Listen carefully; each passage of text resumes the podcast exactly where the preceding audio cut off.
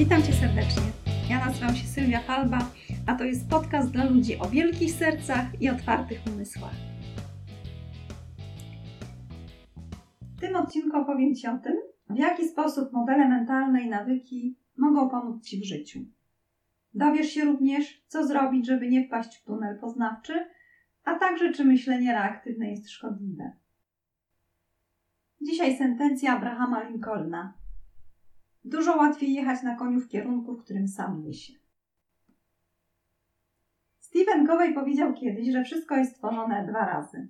Pierwsza kreacja odbywa się na poziomie mentalnym, a druga na poziomie fizycznym. Ta mentalna kreacja, jak się okazuje, jest bardzo ważna w wielu zawodach. Na przykład zbadano, dlaczego niektórzy piloci, pomimo znaczącej awarii samolotu, zdołali sprowadzić go na ziemię, a niektórzy, pomimo nawet niewielkiej awarii, nie byli w stanie zapobiec katastrofie. Wygląda na to, że wszystkiemu winien jest autopilot. Tak powiedziałby pewnie ktoś sterowany zewnętrznie i szukający przyczyn na zewnątrz, ale my, jako liderzy, wolimy wewnętrzne poczucie kontroli. Co więc jest tym rzeczywistym powodem? Otóż, gdy mózg człowieka zmuszony jest do przełączenia się ze stanu relaksacji do stanu najwyższego skupienia, i to jeszcze będąc w stresie, może się zdarzyć, że wpadnie do tak zwanego tunelu poznawczego. Naszą uwagę możemy sobie wyobrazić jako taki strumień światła, który rozszerza się i rozprasza, albo skupia i wyostrza.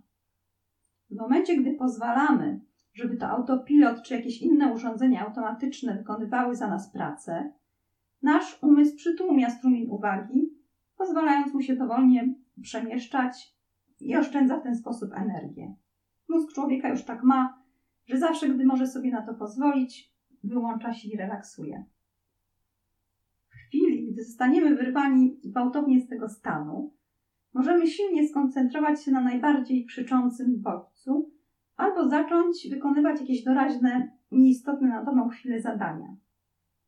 Znajdując się w takim tunelu poznawczym, tracimy zdolność świadomego zarządzania własną uwagą. Okazuje się, że pilot w takiej ekstremalnej sytuacji, gdy na przykład wszystkie lampki kontrolne sygnalizują awarię i autopilot przestaje działać, to ten pilot stara się znaleźć w tym bałaganie coś znajomego. A jak już to znajdzie, to włącza mu się myślenie reaktywne, czyli robi to, co robił wcześniej wielokrotnie, na przykład ćwicząc procedurę postępowania w przypadku zagrożeń. Takie myślenie reaktywne jest bardzo pomocne przy budowaniu nawyków i na przykład sportowcy z tego często korzystają, ćwicząc wielokrotnie niektóre zagrania, żeby potem podczas rozgrywki wykonywać je szybciej. W tym jednak przypadku, który rozważamy, myślenie reaktywne przesłoniło zdrowy rozsądek. Te odruchowe reakcje nie były adekwatne do wymogów, a światełko myślenia po prostu nie rozbrysło. Tak samo może się stać, gdy kierowca korzysta z tempomatu czy automatycznego regulatora mm, hamowania.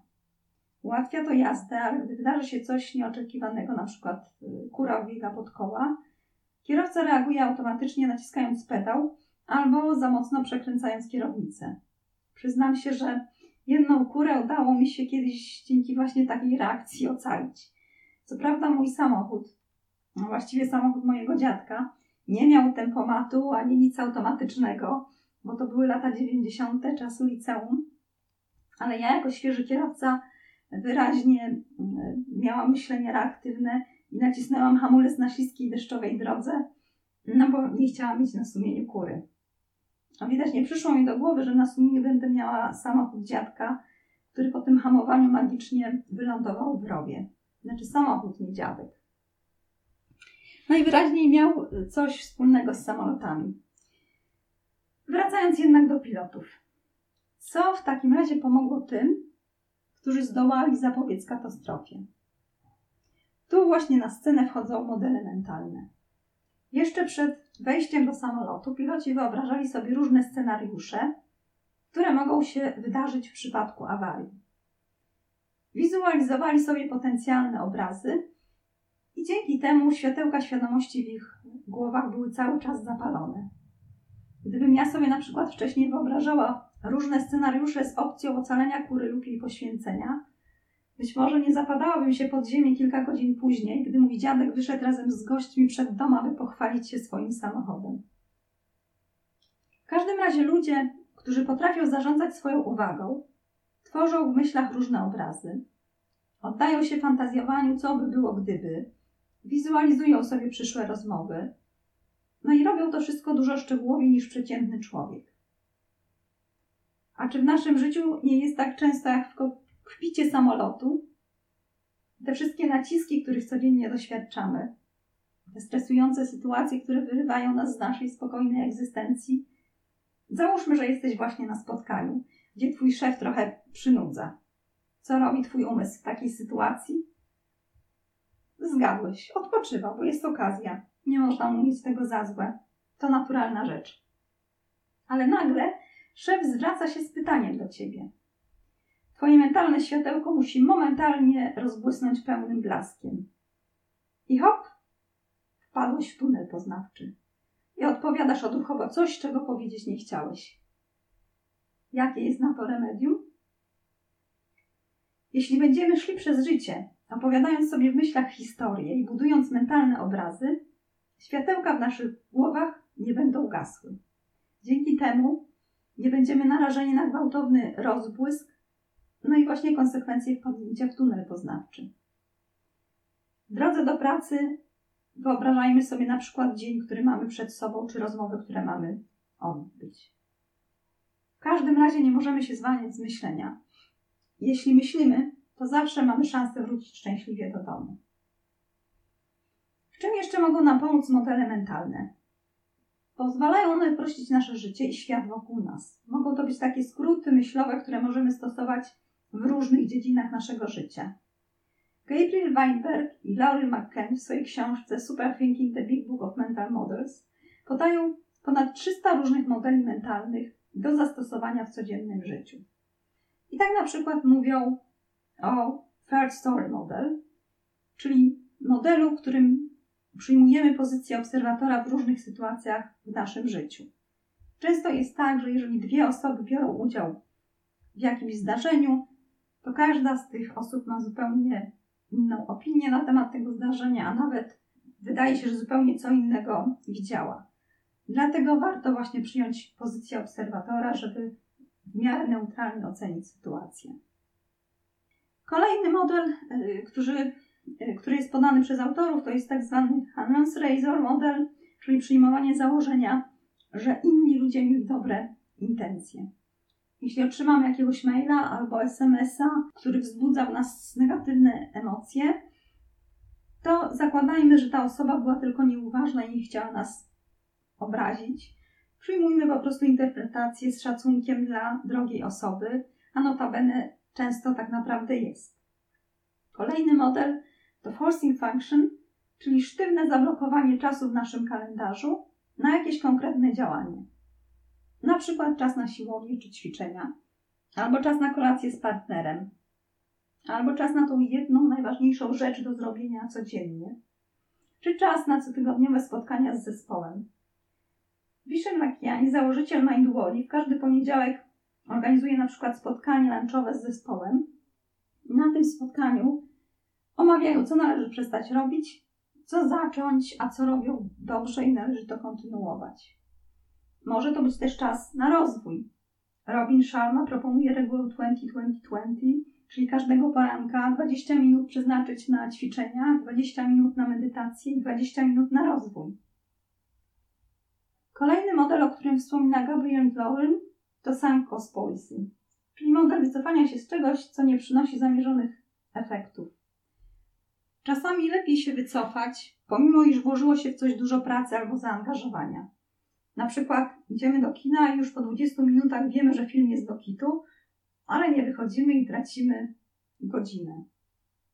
Kolejny model to North Star model, czyli model Gwiazdy Północnej. Jeżeli będziemy znali nasz pięcioletni cel, to wówczas będziemy mieli mniejszy problem z podejmowaniem decyzji. Dlatego ważne jest ustalenie tego pięcioletniego celu, który będzie taką naszą gwiazdą północną. I wreszcie model default effect, czyli na przykład każdego ranka zaraz po wstaniu idę na spacer. Ten ostatni model to raczej nawyk wynikający z myślenia reaktywnego.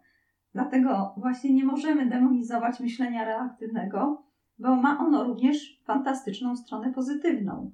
Dzięki temu mechanizmowi możemy budować nawyki, które ułatwiają nam życie. Najnowsze badania The University College of London pokazują, że nawyk buduje się około 66 dni. Ten okres podzielony jest na trzy fazy. Pierwsza faza destrukcji, druga wdrożenia i trzecia integracji. Najtrudniejsza jest oczywiście pierwsza faza destrukcji starego nawyku. To ten moment, kiedy ludzie najczęściej rezygnują, bo jest, jest to faza najtrudniejsza. Może ona trwać nawet 22 dni, no ale potem jest już łatwiej. A jak mówi amerykański pisarz Robert Pula, zakorzenione dobre nawyki są tak samo trudne do złamania, jak zakorzenione złe nawyki. Warto więc przemęczyć się przez 66 dni, aby potem nam się żyło łatwiej przez wiele lat. Bo z kolei, jak mówi Sean Ako, nawyki są jak finansowe inwestycje. Utworzenie nawyku dzisiaj będzie automatycznie przynosiło zwroty w przyszłości. Charles Duhigg, autor Siły Nawyku, podpowiada, iż najlepiej jakiś stary, niepotrzebny nawyk zastąpić nowym nawykiem oraz stosować go po jakimś innym zdarzeniu. Na przykład, jak tylko wracamy do domu, to zamiast iść do lodówki i coś zjeść, to wprowadzić nawyk, że jak tylko wrócimy do domu, przebieramy się w strój do ćwiczeń i ćwiczymy, zajmujemy się ulubionym rodzajem ćwiczeń. Podsumowując, wysoki stopień efektywności wiąże się z umiejętnością panowania nad własną uwagą, z wykształceniem nawyku budowania modeli mentalnych oraz z mądrym używaniem myślenia reaktywnego e, do budowania nawyków ułatwiających nam życie. Więcej o nawykach i efektywności życiowej będziesz mógł dowiedzieć się z mojego kursu online. E, tytuł tego kursu w zgodzie z DNA Filary efektywności w życiu, pracy i biznesie. Będzie on dostępny już wkrótce. Aby otrzymać informacje o promocji związanej ze startem kursu, zapisz się na newsletter na mojej stronie falba.pl. Już teraz zapisując się otrzymasz bezpłatnie e-book 51 potężnych nawyków gwarantujących życiową efektywność. Jak mówi Michael Altshuler, zła wiadomość jest taka, że czas leci. Dobra jest taka, że ty jesteś pilotem. Chociaż moment, tutaj chyba jestem pilotem. Czyżby znowu myślenie reaktywne? No dobrze, ale ty jesteś pilotem w swoim życiu, więc życzę ci właściwego wykorzystania we właściwym czasie zarówno modeli mentalnych, jak i myślenia reaktywnego, wspierającego budowanie nawyków. No raczej unikaj tuneli poznawczych. A na koniec zarówno sobie, jak i Tobie życzę, aby wszyscy piloci w samolotach, do których wsiadamy, mieli opanowane modele mentalne. Miej wielkie serce i szeroko otwarty umysł. Życzę Ci cudowności.